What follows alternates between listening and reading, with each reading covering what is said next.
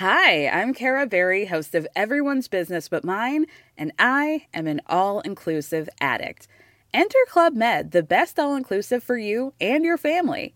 With resorts worldwide, from their family flagship resort, Club Med Punta Cana, to their only mountain resort in Canada, Club Med Quebec, they have everything you need to relax. With their 20 plus sports activities, wellness programs, you can dine on delicious cuisine and make memories with your family.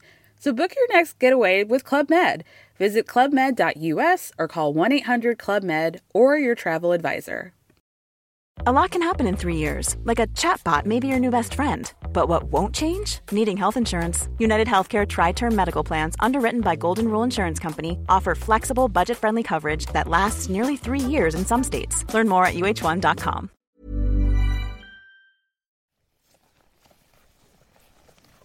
Hej och välkommen till Vandra med Henrik. Hej! Vad kul att se dig, eller höll jag på att säga. Fast eh, jag ser dig ju inte i någon egentlig mening. Idag är det riktigt mycket snö.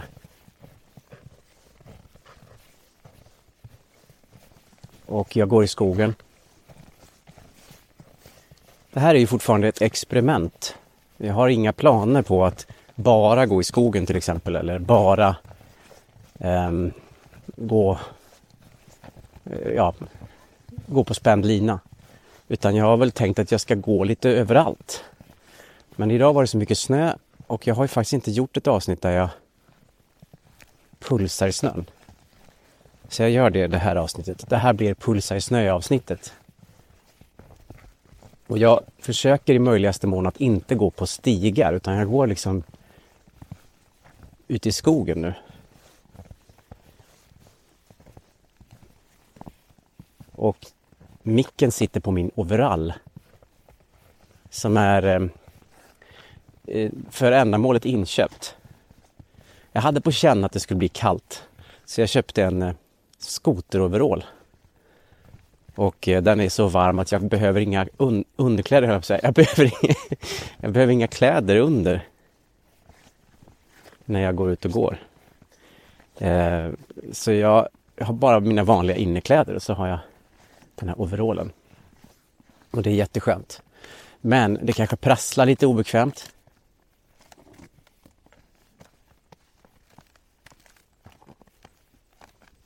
Och det är eh, micken sitter lite på sniskan och sådär. Som sagt, jag provar fortfarande och här är det is. Här är ju precis under istäcket är det alltså, under snötäcket är det alltså is här. Jag ska inte gå där.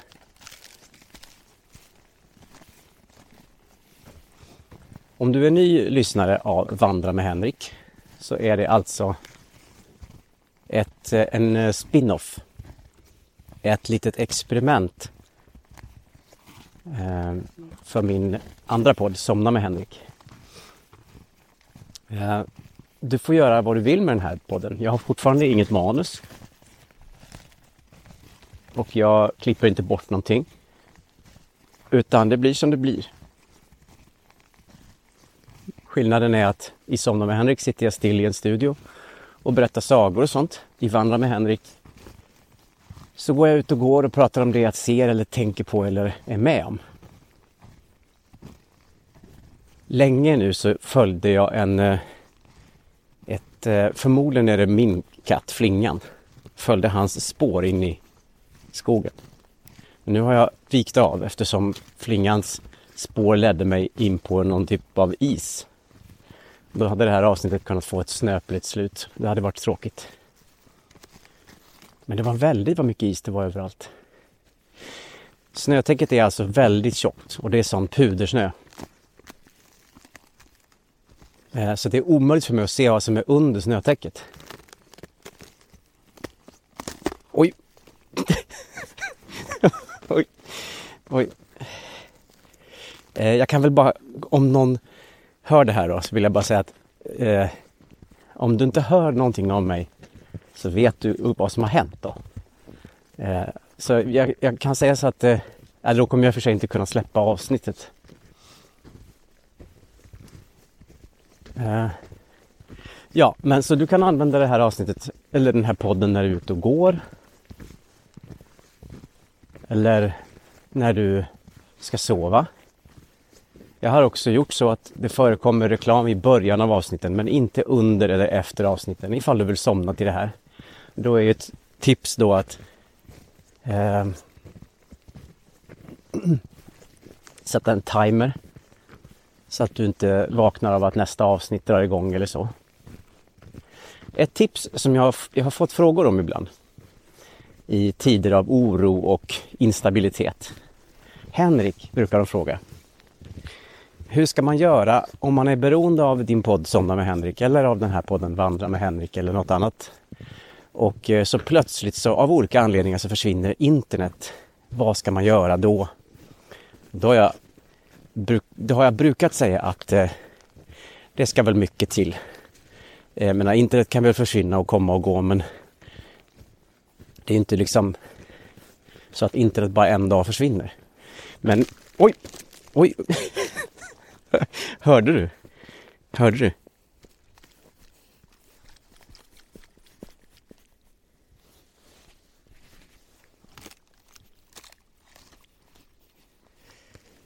Okej, okay. jag måste nog kanske på riktigt ta hand om mig här. Att jag inte går genom isen. Alltså det är ingen sjö här utan det är ju små vatten. Det är traktorspår som det har frusit is över vattnet. Så det, så det är väl inte farligare än att jag blir lite blöt om fötterna.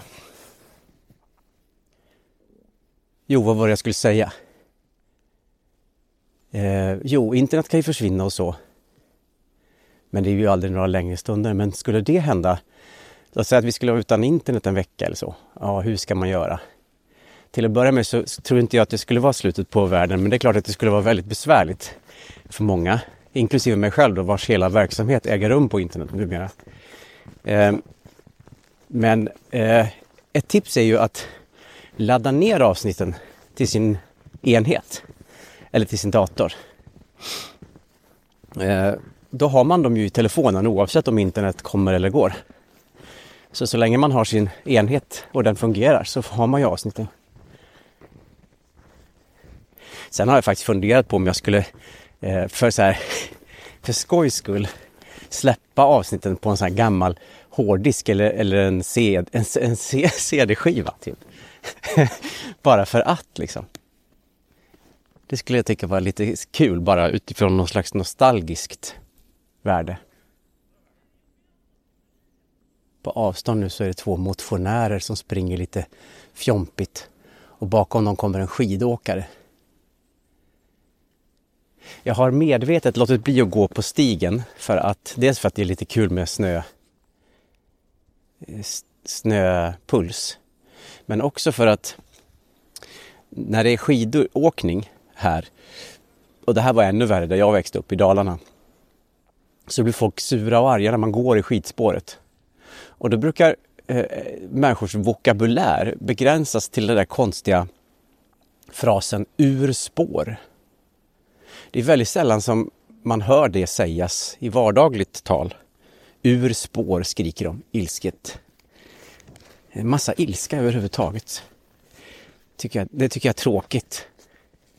Okej, okay, jag försöker ta mig fram här. Som sagt, om du inte hör något mer av mig så vet du att då har jag gått ner mig här ute i skogen. Oj,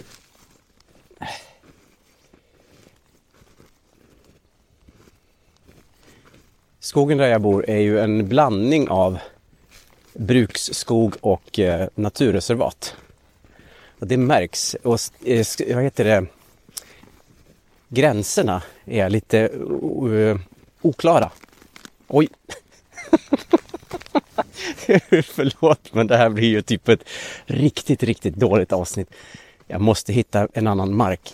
Men precis här där jag går, där har jag åkt en stor, stor skogstraktor i, i somras eller höst, eh, våras eller jag vet väl inte när, när den åkte, men den har i alla fall åkt i dåtid, alltså förfluten tid. Och då är det som stora fåror av de stora däcken här. Och där i har det samlats vatten och nu ligger det, och sen har det blivit kallt och så har det frusit till is och nu ligger det snö över isen.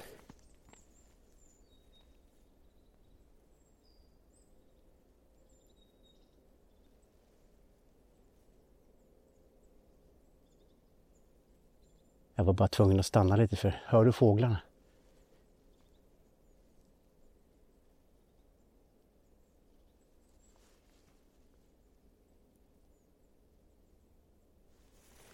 Jag tror jag går här. Om jag håller mig nära träden så klarar jag mig nog. Berömda sista ord. Jag har en väldigt rolig bok. Den är sorglig förstås. Eh, och vacker och rörande. Men eh, den är också rolig. Den heter Deras sista ord. Och jag har pratat om den förut i andra sammanhang. Men eh, jag brukar återkomma till den för den är liksom så... Oj! Den är så himla speciell. Det finns ju bland annat en general eller major eller något. Ett befäl. Som blir uppmanad att lägga sig ner i skyttegraven. Och som säger eh, hans sista ord blir de skulle inte kunna träffa en elefant på det här avståndet. Förlåt att jag, det kanske inte är lämpligt att skratta åt det. Men jag tycker ändå det är ganska, ja vad säger man, tragikomiskt. Självsäkerheten. Och så har jag lyssnat på en P3 dokumentär om Titanic. Och eh, blev väldigt tagen av det där. Hur alla är så chockade över att eh, men den här båten skulle ju inte gå att sänka. Så folk vill liksom inte kliva ner i livbåten. Det, det, livbåtarna känns liksom som ett värre alternativ än det här, den här stora fina båten. den skulle ju inte kunna sjunka, det har de ju sagt.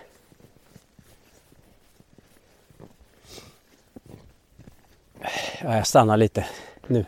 Nu är jag i säkerhet här på andra sidan det här stora moraset till skogstraktorhaveri.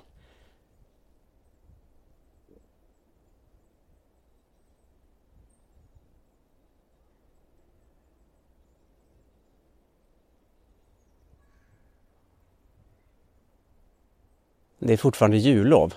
Så det är en del ute och går med sina barn.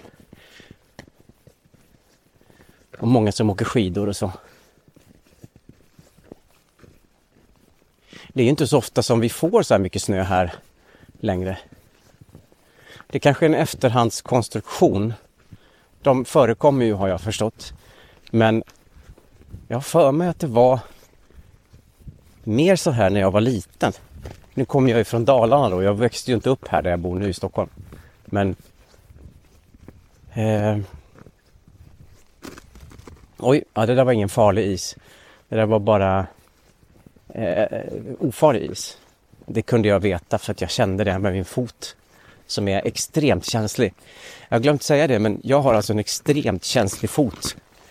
Min fot är alltså som, eh, om du tänker dig känselspröten på en, eh, alltså någon typ av amfibie. Nej, eh, morrhåren på en katt, det, där har du mina fötter om någon kommer åt dem, då tjuter jag och piper så som ett eh, brandlarm i motljus. Och nu närmar jag mig någonting som är sorgligt men också fint samtidigt. Lite som hela min gärning Eh, kretsar kring det sorgliga och det fina. Här framför mig nu så har någon tappat en mössa. Den är ljusblå stickad och är täckt av snö som ser ut som badskum för det är så fint. Den har hängt sig upp på en gren på granen framför mig här. Och en liten tråd hänger och fladdrar i vinden. Ehm, det som är fint är ju att människor ser någonting som är borttappat och som ligger på marken och hänger upp det på en kvist eller gren för att det ska märkas här. Den ska, om man går tillbaka och letar ska man hitta den. Jag har en jättefin historia om min dotter sen som jag ska berätta. Och det sorgliga är ju att den är ju övergiven liksom. Den hänger här och den har hängt här länge för den är helt täckt av det här skumliknande snön.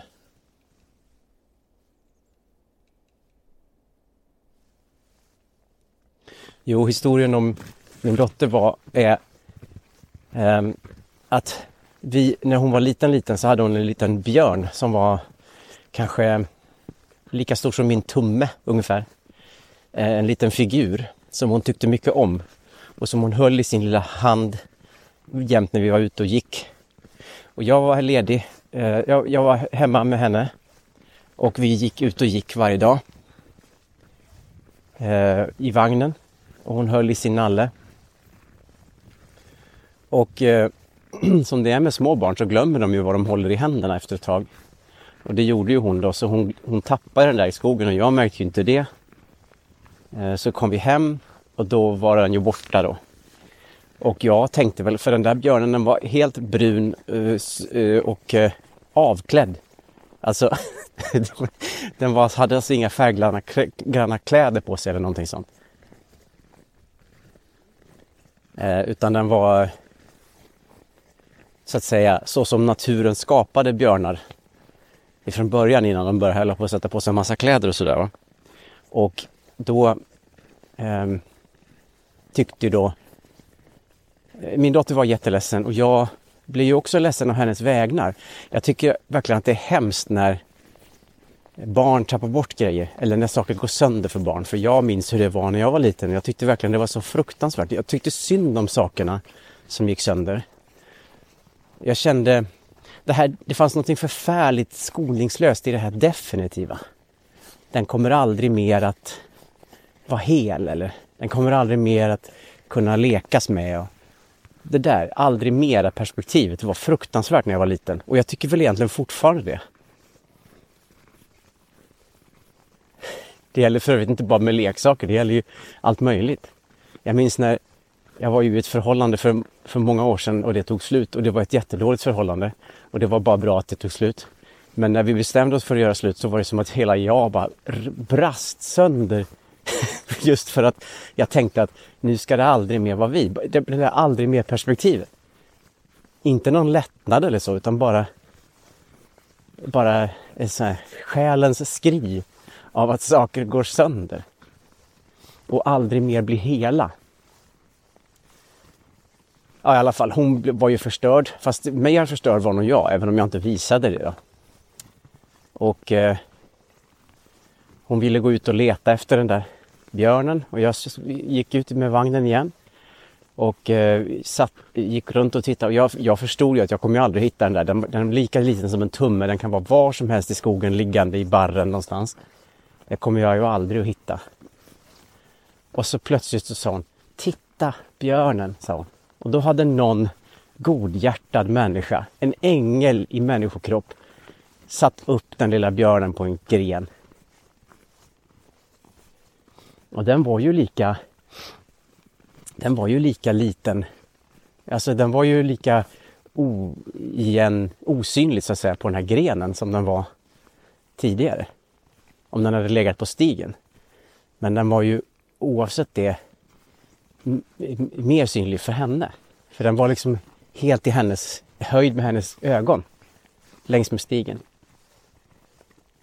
Det var ju jättefint. Nu var det en farbror, jag var tvungen att vända om. Det var en farbror som han var ute och joggade i snön här. Som fräste ur sin ena näsborre sådär som farbröder gör. Det är... Jag, jag, jag, vill inte att det här ska... Jag vill inte att det ska bli en grej det där att jag blir så arg på farbröder som gör farbröders grejer. Därför jag älskar ju farbröder. Jag är ju själv en liksom. Så jag, jag tycker bara ibland så, så, tycker jag att jag återkommer till det där bara för att jag vill ha någonting att prata om lite grann. Eh, också att jag delar en, en, eh, en, en egenskap med en av mina äldre manliga släktingar skulle vi kunna säga då. Som kanske eller kanske inte har varit med och satt mig till världen. nu låter det mer mystiskt än vad det är. Det låter som att jag inte riktigt vet vem som är min pappa, men det vet jag ju då. Det är min pappa helt enkelt jag pratar om. Han är ju en man jag beundrar på väldigt många plan. Men han har också en förmåga ibland att säga saker, att han kan vara lite jag tror att det i botten handlar om att han inte förstår ett perspektiv till exempel då. Och då är det som att han bestämmer sig för att det perspektivet är värdelöst. Det har aldrig gått till någon överdrift. Han har aldrig sagt någonting rasistiskt eller eh, han har aldrig liksom på riktigt utmålat en grupp människor som någonting. Det är mer det här, hur kan man, hur kan man göra så? Det förstår jag inte, kan han säga liksom. Och med en liten överlägsen ton. Och det här har jag ju naturligtvis, eh, det delar jag. Som det här med, med män som snyter sig i offentliga miljöer. Och sen vet jag ju då att det är tacksamt eh, för det är ju bra lyssnarinnehåll då. För jag vet att det är många som tycker så här. Usch vad det är tråkigt med de här farbröderna som går runt och snyter sig i skogen. Eh, vad, vad, vad, kan det rimligen finnas där inne som måste ut sådär framför alla liksom? Men så... Ja, så det är lätt för mig att ta till det där. Men så tänker jag att det känns lite billigt. Därför det är ju en, förenkling också. En farbror är ju mer än att snyta sig i skogen. En farbror är ju så mycket. En farbror är ju en, en hel liten person. Precis som en tant. Men av någon anledning så är det liksom lite lätt att... Ja, jag vet inte. Jag vill inte vara en sån person. Jag vill ändra mig. Kan man, kan man få göra det? Kan man få ändra sig? Det var någon som sa till mig på scenskolan tror jag. Eh, undrar om inte det var Melika som sa till mig att det är okej okay att ändra sig, Henrik. Jag kommer inte ihåg i vilket sammanhang.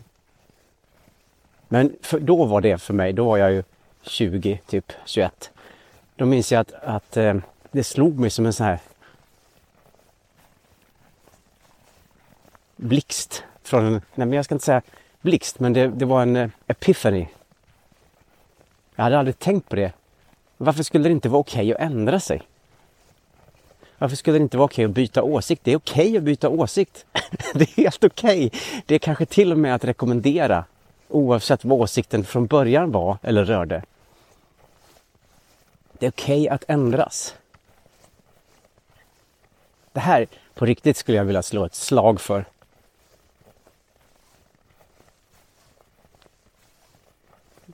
Det behövs ju förändring. Eller det behövs, den, den finns ju där. Men ibland är det som att vi tänker att vi har förlorat någonting om vi ändrar oss.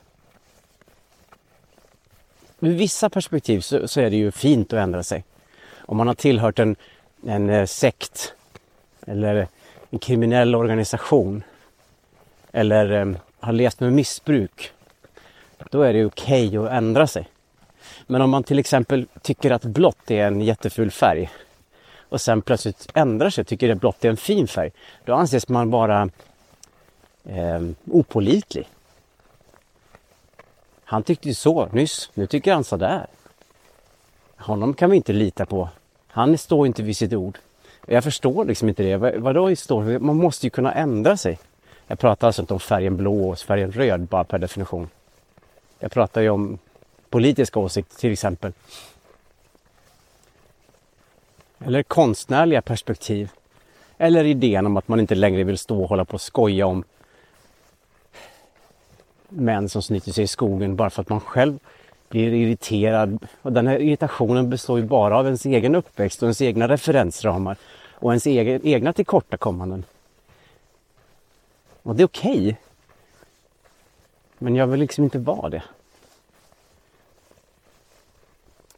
Så det var jag. Du då? det känns lite som att du går här med mig. Men att jag är typ världens mest otrevliga kompis som inte, som inte låter dig få en syl i väder. Utan bara babblar på. Jag går faktiskt på eh, en översnöad grusväg nu. Jag vet att jag lovade att jag skulle gå i, i skogen, pulsa i snön. Men det gör jag faktiskt fortfarande. Du kan ju lyssna själv här.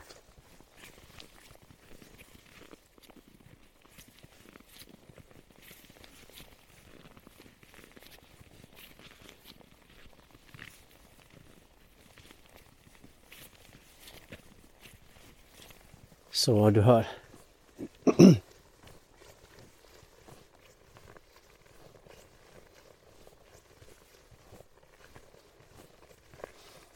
Ja, vad var jag om mitt liv?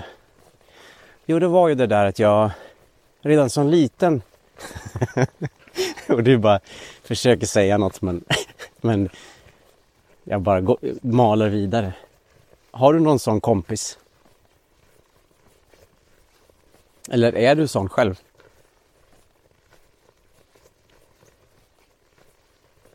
Ibland. Inte så, inte så sällan faktiskt. Framförallt när jag träffar människor som jag kanske inte är jätte, jättebekant med men samtidigt kanske skulle vilja vara det. Så kan jag känna ibland Alltså människor jag tycker om men som jag inte känner djupast av djupast. Så kan jag känna om vi har ätit lunch eller hängt någon dag. Att fan vad jag pratar. Alltså varför kunde jag inte bara ha liksom varför måste, för jag har så mycket jag vill säga liksom. Jag är ju ensam hela dagarna på jobbet och så händer det någonting liksom ut, utöver det vanliga och då blir jag så glad. Jag blir så, jag blir så sugen på att bolla idéer, tankar och sånt. Och så tänker jag väl kanske att jag är intressant då. Och det där, det där sticker i mig när jag förstår att jag tänker så. Jag tänker att det här måste ju vara intressant, det här gillar hon nog att höra eller det här, det här måste ju det här måste han uppleva som eh, en helt ny tanke.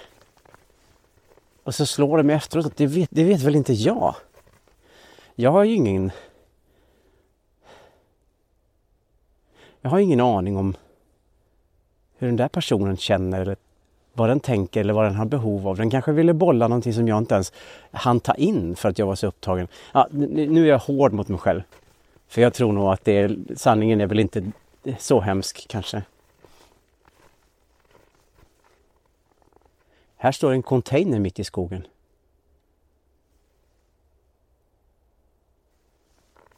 En stor blå stålcontainer.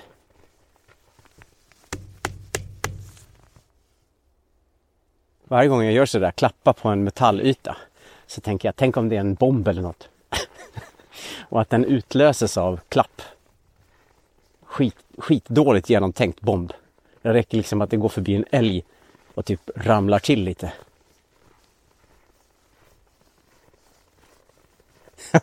Undrar om det är så när djur är själva i skogen. Typ två älgar ute och går.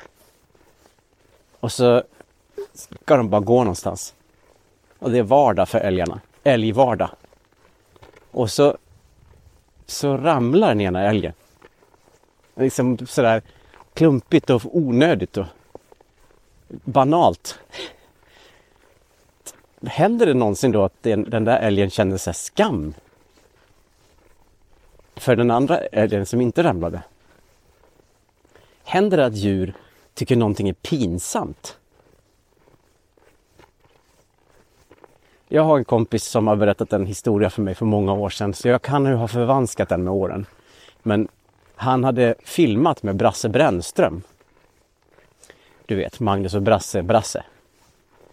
Och eh, han hade varit med i en film med honom eller tv-serie eller någonting med honom. Och eh, så gick han på eh, Sturegallerian. Den här kompisen till mig.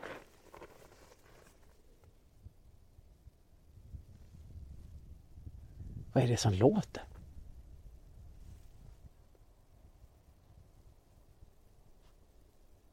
Det är alltså en kraftledning ovanför mig. Och det är antagligen snö som faller på kraftledningen som låter så här. aldrig hört det här ljudet. Du kanske inte ens hör det. Gud, vilket konstigt ljud. Ja, i alla fall. Eh, jag vänder för att det kommer en barnfamilj bakom mig. Eh, I alla fall så mötte han eh, Brasse i Sturegallerian. Och Brasse, det här vet inte jag om det är sant. Men i min kompis berättelse så är det sant och jag har också hört andra rykten om det. Brasse Brännström var inte så sugen på att hälsa och stanna och tjena och så. han var lite sur. Um, nu kände inte jag honom så jag ska inte påstå att jag vet detta. Och om jag har fel och någon känner honom så ber jag om ursäkt. Jag menar inte att på något sätt framkalla, dra ner hans minne i smutsen. Men då sa min kompis i alla fall Brasse, Hej Brasse! Och Brasse svarade inte och tittade inte upp utan bara gick förbi. Och då såg min kompis att det var andra där i eh, området runt omkring dem som såg att han försökte få kontakt med Brasse. Och då kände han väl att det var väldigt viktigt för honom att visa att jag känner honom. Det är inte så att jag eh, är något fan här nu. Som har vuxit upp med honom i fem myror i fler än fyra elefanter och vill säga hej. Utan jag är en skådespelare, precis som Brasse. Så han bestämde sig för att han skulle framhärda i sitt ropande på Brasse. Och eh,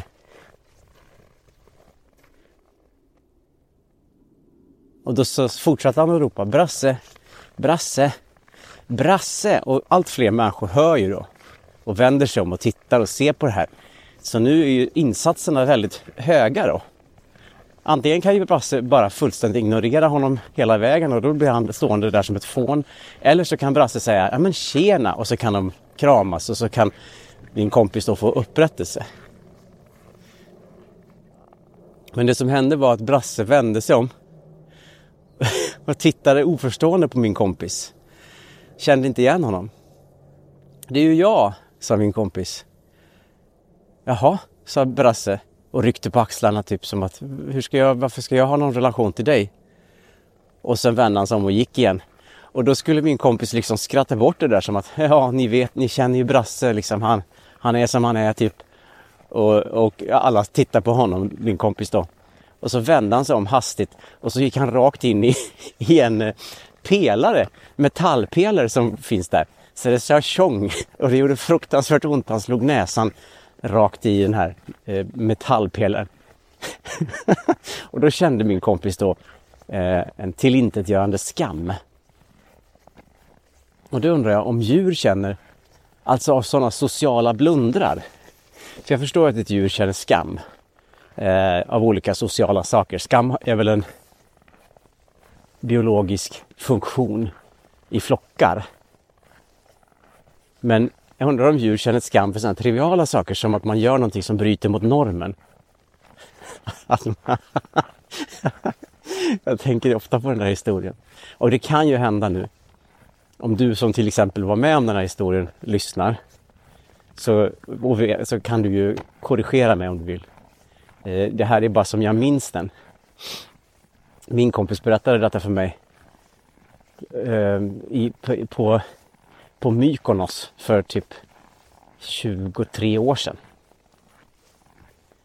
Eh, och då var det ju, premisserna var annorlunda och det kan ju hända att minnet inte är helt och hållet på plats eh, i exakt mening. Nu jag måste stanna en stund för åh, vad fint det är här.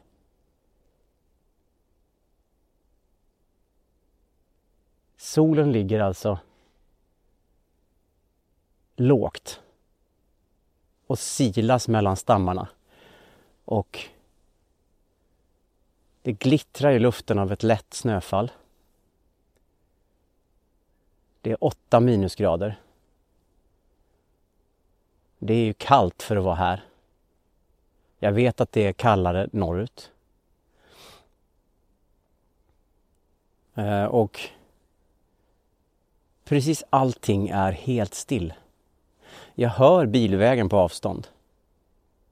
Trots att det känns som djupa skogen här så är det ju inte det egentligen. Eh, om man jämför menar jag. Så jag hör ju världen. Men jag ser den inte. Det enda jag ser är de här stammarna. Och inte en endaste en av dem är rak. Alla av dem är allihop är snea, vinda, lytta och till ingen nytta. nu kommer det någon och går mot mig i skogen, mitt i skogen, precis som jag. En annan Henrik. Jag måste gå. Jag vågar inte stå still här. Folk tycker jag är konstig med den här eh, apparaten. Jag tycker fortfarande att det är svårt att vänja mig vid eh, det här att jag har den här maskinen i min hand och spelar in med.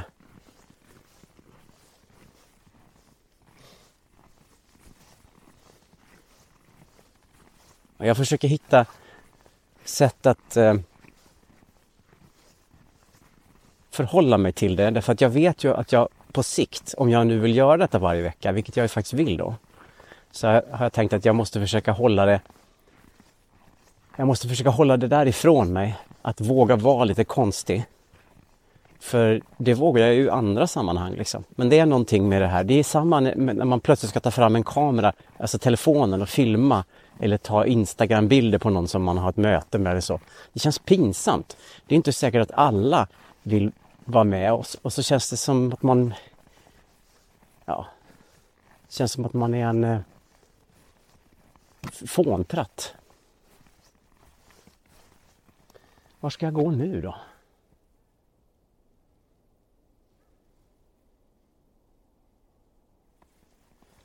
Nej, jag går väl ner här. Det står en, en eh, det står några här nere och snackar. Nej, jag går väl ner.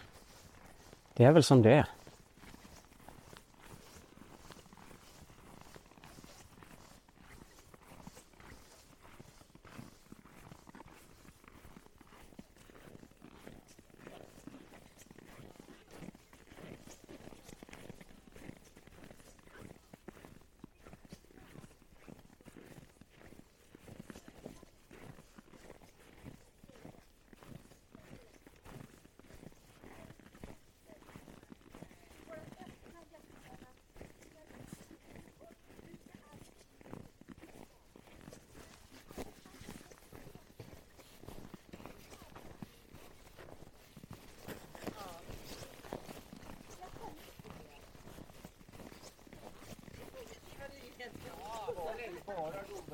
Bara goda nyheter. Ja, hej. Hej hej! Det är Nyhetsbyrån. Det här är Nyhetsbyrån.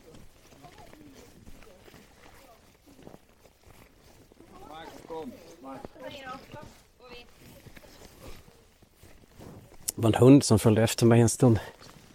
Hoppas att det inte var okej att det var tyst så här länge.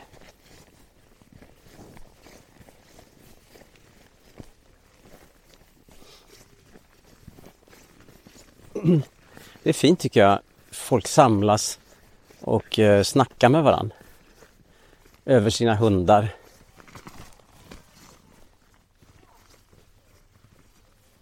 Även om jag nog, om jag hade hund, skulle jag tycka det var jobbigt att behöva stanna och prata med andra hundägare hela tiden. Så tycker jag ändå, som utomsocknes så att säga, att det är trevligt. Att titta på menar jag. Eller är att man stannar och pratar fast man inte känner varandra. Och samtalen är ganska ytliga och men glada liksom. Och det här är verkligen en sån dag. Jag vill verkligen understryka det. Vilken fin dag det här är. Hur har din dag varit? Eller hur, hur är den? Eller, alltså när det här avsnittet släpps så är ju klockan sex på morgonen. En måndag. Så din dag har inte hunnit vara särskilt mycket. Kanske sitter du och pendlar till jobbet just nu. Kanske befinner du dig i en miljö som liknar den jag rör mig i. Eller så gör den inte alls det. Men gud vad det är fint här. Jag har ju aldrig med mig telefonen när jag går här. Så jag kan inte ta något, något kort. Och det är väl lika bra därför jag ser ju fruktansvärt eh, åverkad ut. Jag menar inte att jag ska ta kort på mig själv kanske men det, det blir ju så ändå. Jag hatar detta när man, det gäller ju med iPhonen, att eh, grundinställningen när man ska ta en bild är att det ska vara en selfie. och eh, jag tycker det är så hemskt för att när, när jag vill ta en bild på min dotter till exempel då. Hon är så förtjusande, hon gör någonting som jag vill föreviga. Hon sitter och ritar eller något. så öppnar jag upp kameran och så får jag syn på det här. Den fullständiga mänskliga katastrofen som är jag. Underifrån. Med den där lite nyfikna, vattniga blicken som man får när man blir känslosam och nostalgisk. Och... Om du har lyssnat på flera avsnitt av Vandra med Henrik så har du säkert noterat att de gånger då jag rör mig här i skogarna runt där jag bor så flyger det mycket flygplan och helikoptrar. Nu kommer det ju en till helikopter. Ja, den är på långt avstånd. Men eh, så är det här där jag bor. Det är ingenting som jag egentligen tänker så mycket på. Det bara är ju så.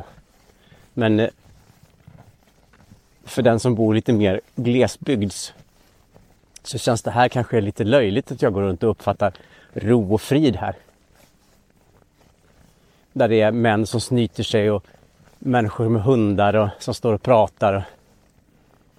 Och här ligger en bajskorv. Ja, trevligt. och bajskorvar till exempel då. Och sånt. Och helikoptrar.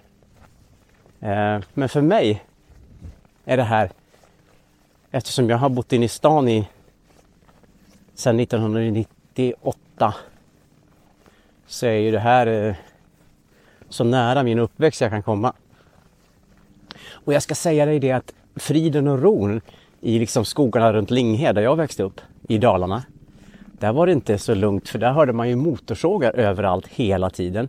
Och när det inte var motorsågar i skogen så hörde man ju hundar, jakthundar alltså.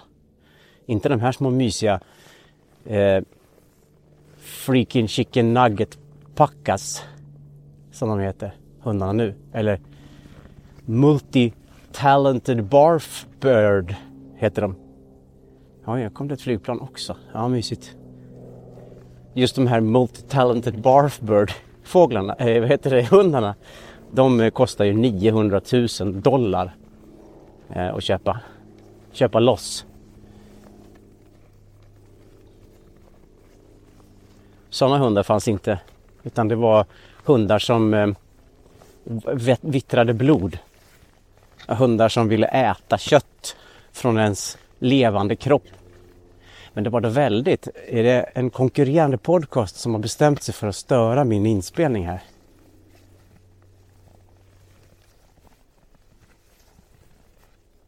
Det brukade jag alltid säga när jag jobbade på SVT.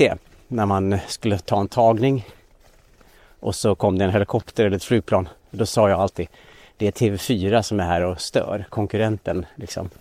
Och då skrattade alla de första tre gångerna jag sa det. Sen blev det lite som en slags tveksamhet. Tror du verkligen att du har du glömt att du har sagt det här skämtet förut? Och sen blev det bara tyst. Och efter ett tag så började folk prata om annat liksom väldigt snabbt för att liksom hindra mig från att dra skämtet. Och sen sa jag upp mig. Förlåt, jag menar inte... Om du höll på att somna nu ber jag om ursäkt. Det var inte meningen att...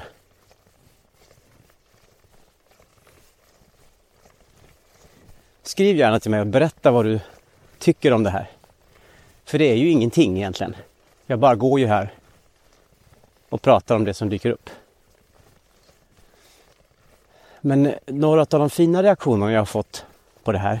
Jag har inte fått så många än men ett hundratal reaktioner har kommit in sedan jag började med det här. Och de finaste av dem säger saker i stil med att det känns fint att ha sällskap liksom. Och det är väl hela grejen. Det är väl därför jag gör detta. Jag är sällskap bara. Oavsett vad du vill göra med sällskapet. Jag är... Jag fyller lite tystnad. Jag slår ihjäl lite tid.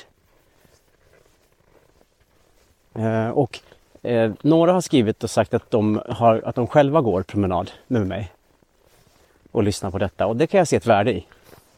Men jag har också fått brev från människor som säger att de inte kan av olika anledningar ut och gå och därför så är det skönt att göra det på något vis fiktivt med mig. Och det var också väldigt fint tycker jag. jag vill gärna vara den eh, lite som som med Henrik är att lägga ut sina tankar på entreprenad. Att somna lägger ut sina tankar på entreprenad. Så kan vandra vara att man lägger ut sitt vandrande på entreprenad. Gärna för mig. Jag vill inte slå ett slag för folkhälsan i så mått att eh, man ska röra på sig. Därför det vill jag ju såklart. Det är ju jätteviktigt. Men eh, den här poddens, uh, uh, vad heter det? Plan är inte att aktivera människor ut och gå. Det känns eh, som billigt. Då finns det andra människor som kan göra det mycket bättre än vad jag kan. Eh, så gå om du vill gå, men sitt också still. Eller åk saker. Åk tåg, tunnelbana, gör någonting. Det här är mer ett vandrande i tanken, så tänker jag. Men jag måste ju gå då, för att det ska funka. Annars är det ju som, som med Henrik, precis. Om jag låter lite sluddrig nu så är det för att den här kylan eh, som är liten om man jämför med, med norra Sverige, men väldigt mycket då för mig. Den gör att mina läppar blir, har blivit stela. Eh, jag märker att jag låter lite berusad. Så är det alltså inte så att jag går omkring i skogen och smygsuper. att, vad, vad kul det vore om jag hade haft en sån livsstil att, att jag går ut i skogen och eh, dricker eh, och som en ursäkt för det startar en ny podd där jag får vara ute i skogen. Och så har jag ett sugrör eh, ner i pluntan i innerfickan. Så är det alltså inte. Och då menar jag det alltså när jag säger det, att det är inte så. Det är, eh, det är ointe så. Jag har inte druckit alkohol sedan 2017. Då jag bestämde mig för att lägga av med det. Och nu i julas så var jag på en fest och då dracks det alkohol. Och Eh, det dricks ju hela tiden. Eh, det är inte så att jag tycker det är jobbigt eller så. Men då, det var första gången som jag kände att jäklar vad de verkar ha kul allihop. Och själv satt jag mest och kände mig lite så här. Vad ska vi med jul till och så? Och folk blev lite så tårögda och sjöng sånger och pratade om barndomen och sånt. Och då kände jag någon slags längtan till det där. Då kände jag, ja det var ändå gött det där berusningen. då. Men jag, dels, dels är det ju naturligtvis, eh, jag har ju blivit så pass gammal nu då att jag vet att den där känslan den är ju, håller ju bara i sig en liten stund för mig. Sen vaknar ju någon, någon typ av eh, begär efter mer än vad som finns att få på något vis i världen och i livet. Och, eh, det som finns hos mig ändå, på något vis alltid. En längtan efter att nå högre upp och längre in i vad det nu är jag vill nå högre upp och längre in i. Och att eh, då blir det destruktivt då. Och jag tänker att det här är, det är en positiv sida hos mig. Det är en positiv egenskap men jag kan inte bara ge den alkohol för då blir den inte så positiv. Då gör jag dumma saker. Jag dricker för mycket. Alldeles för mycket. Och säger fel saker. Och sviker mig själv och sviker andra. Eh, och det tog ju 20 år att förstå det. Nej, inte 20. Jo, typ 20 år. Ehm, ja, skitsamma. Det var liksom inte det här jag skulle... Men då satt jag i alla fall där och kände att, ja, att jag saknade lite det där. För det blir så lätt liksom. Det är så lätt att falla in i, i gruppens uh, humör. Det är lätt att känna sig utanför och så. Och jag kände inte att jag, det här, nu skiter jag i det här, nu tar jag ett järn igen. Liksom. Så känner jag inte. Eh, jag, jag, har inga sådana funderingar alls. Men däremot eh, kände jag väl en, kanske en viss sorg då. Över att det där, just det där kan jag inte få nu. Men, men vet du att det är ju livet. Kommer du ihåg när man var liten och ville ha någonting jätte- jättemycket? Och så sa ens pappa eller mamma eller någon annan vuxen att nej, det, det kan du inte få. Varför? sa man. Och då kom ju olika förklaringar då. Det är för dyrt. Det är inte, det är inte lördag. Det är, eh, du jag, gjord av pengar och så vidare. Eller, jag vill inte du ska ha ett gevär som uppmanar till, till våld, som min mamma sa. Min högsta önskan var att få ett leksaksvapen under någon period. Och eh, eh, min mamma var mycket emot det där. Till slut köpte hon ett varsitt lila vattengevär till mig och min bror. Sen backade hon över min brors gevär. Hon säger att det var en, eh, en olyckshändelse men det, vi vet båda att det inte var det. Hon tyckte inte om hur han höll i det där geväret. Hon tyckte inte om blicken i hans ögon. I alla fall.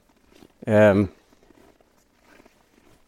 vilket man ju också kan säga är en typ av våldshandling. Att backa över sitt barns leksak. Skitsamma. jag, det där, jag har inte någon, något, jag hyser inget agg. För jag fick ju behålla mitt gevär.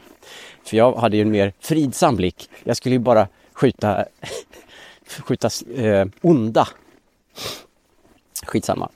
Jag skojar. Um, men kommer du ihåg den känslan? Den där förtvivlan man hade när man inte fick det där och när man insåg att ens förälder, eller vem det nu var, var helt orubblig i sitt beslut. Jag skulle inte få det där, oavsett hur mycket jag bad och tiggde och grät och skrek och hotade och provade alla möjliga. Nu sätter jag mig en liten stund på en gran, på en fallen kvist här, eller fallen... Ah. En fallen björkstam. För att det ska bli lite tyst omkring mig.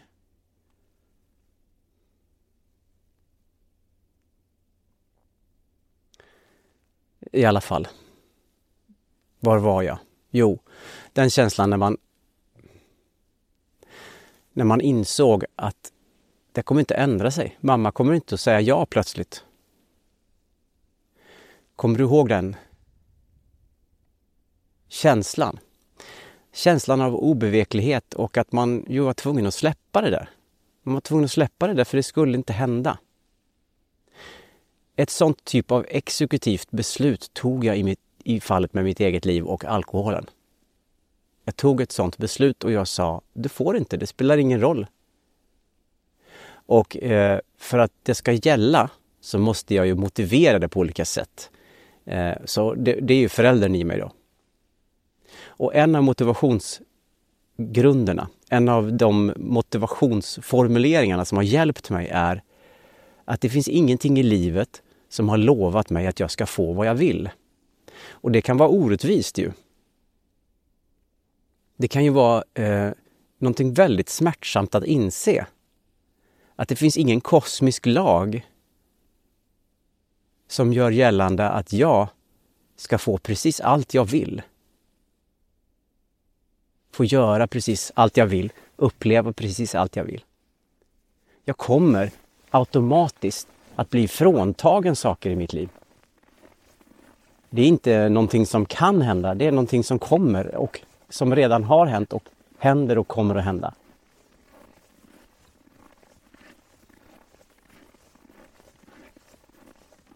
Och det är som det är.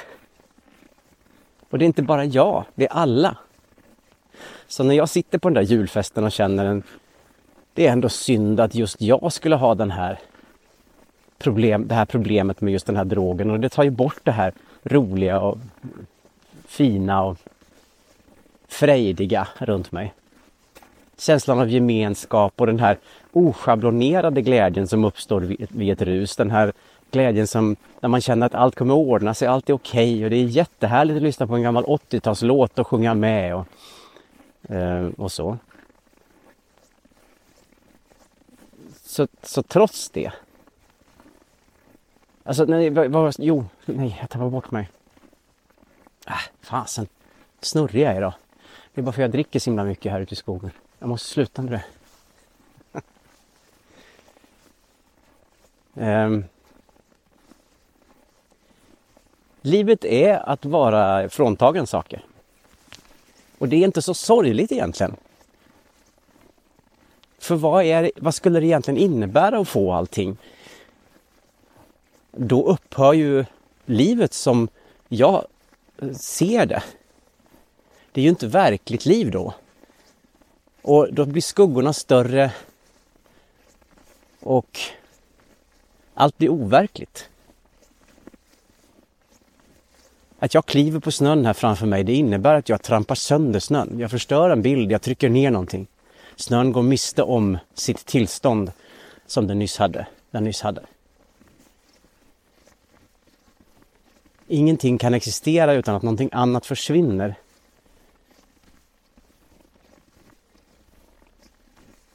Så det är liksom att få allt man vill, det är inte det som är meningen med livet. Och i mitt fall så är det en utmaning då. Den här gränslösa sidan hos mig själv. Vad kan jag göra med den? Vad kan den ge mig som inte skadar mig? Vad kan jag bygga med den?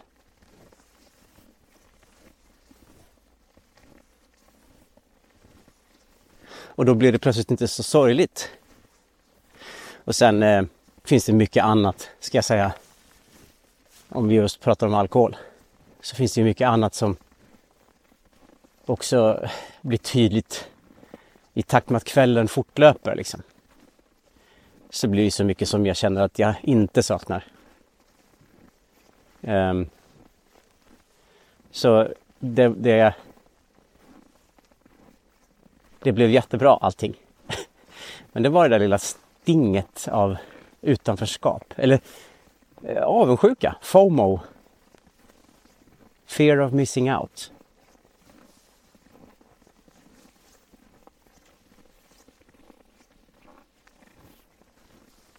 Hur mår du Somna?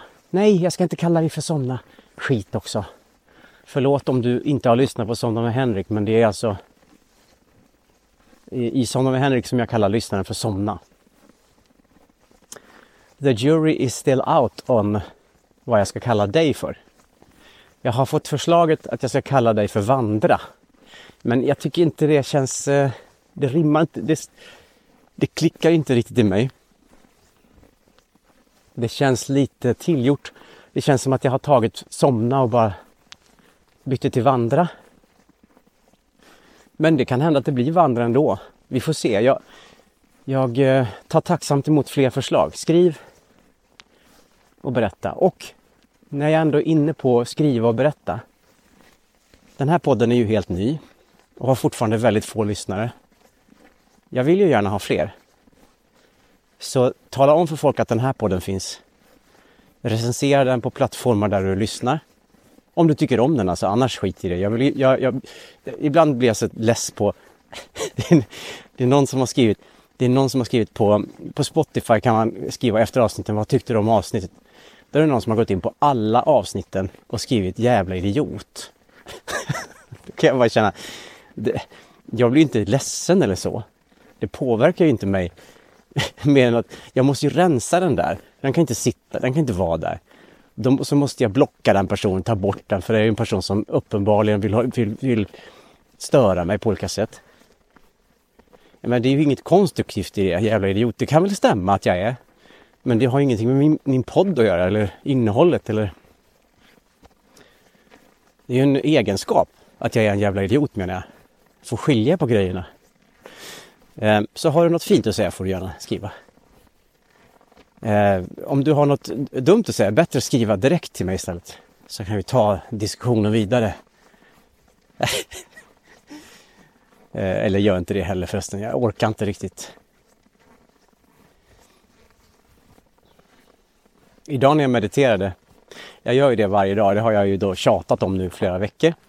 Eh, och eh, detta efter att i ett helt liv har gjort mig lustig över eh, meditation och sånt. För att det alltid verkar så enkelt när folk ska berätta för en och sen så är, är det det svåraste som finns. Eh, så nu gör jag det själv då. Så nu eh, varje dag sitter jag och mediterar. Och idag var ingen hemma. Eh, för de är på spa. och jag eh, ehm, eh, satt i soffan och Flingan, våran katt, var inne. Och han ville inte gå ut för det är minusgrader. Och så åt han och jag tänkte nu kan jag meditera. Och när jag hade mediterat i tio minuter då bestämmer han sig för att han vill gå ut. Och då börjar han jama då. Först försiktigt. Nu vill jag gå ut. Men sen så utbryter då någon typ av kakafoni av jamanden. Alltså eh, han skriker åt mig på kattspråk på ett sätt som inte hade varit okej okay om han var människa. Om han var människa hade jag sagt Förlåt mig men du måste visa mig respekt. Alltså jag är en annan levande varelse. Jag förtjänar tillbörlig respekt. Eh, det är dessutom jag som köper din mat. Som i förekommande fall torkar upp dina exkrementer när du har varit orolig över någonting som har flyttats i huset. När vi flyttar någonting, vi bytte rum till exempel. Eh, två av oss bytte rum. Och eh, då blev han så nervös av ommöbleringen att han kissade vid hela det där gamla det rummet som hade varit någonting annat innan.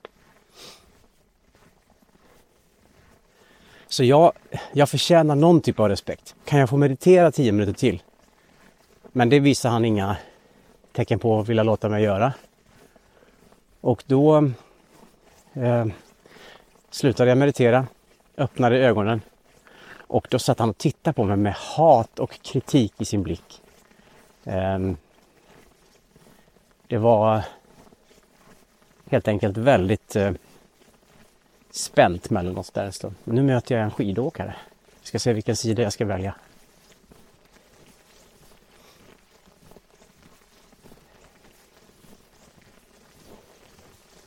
Hej!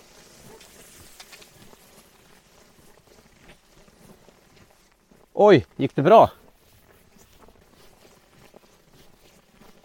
Ja, jag var tvungen att...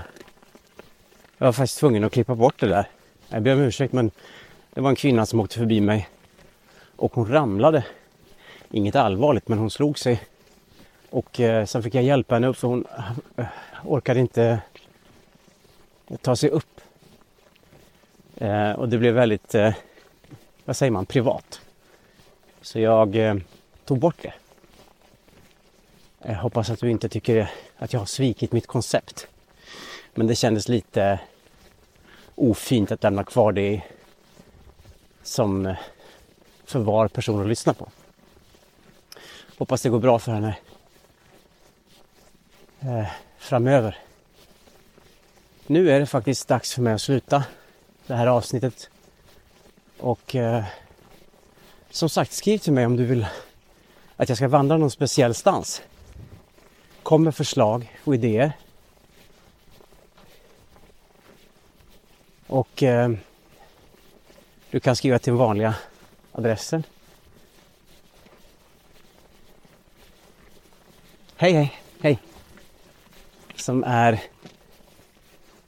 Henrik at somnamedhenrik.se. Jag ska skaffa mig en e-postadress sen som är mer vandra med Henrik, men det får bli somna med Henrik-adressen så länge. Och eh, jag låter det vara tyst en stund och så går jag som jag brukar göra i slutet av avsnitten. Och du får ha det bra och Vandra med Henrik kommer tillbaka nästa vecka. Tack för promenaden fina du. Hej då!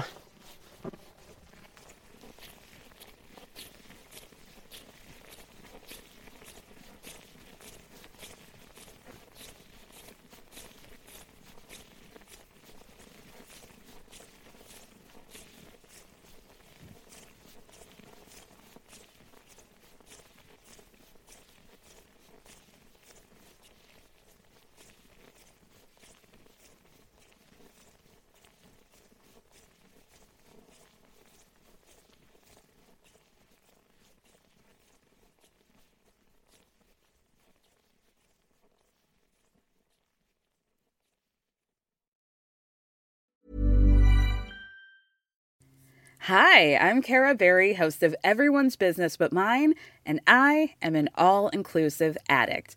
Enter Club Med, the best all inclusive for you and your family. With resorts worldwide, from their family flagship resort, Club Med Punta Cana, to their only mountain resort in Canada, Club Med Quebec, they have everything you need to relax. With their 20 plus sports activities, wellness programs, you can dine on delicious cuisine and make memories with your family. So book your next getaway with Club Med. Visit clubmed.us or call 1 800 Club Med or your travel advisor.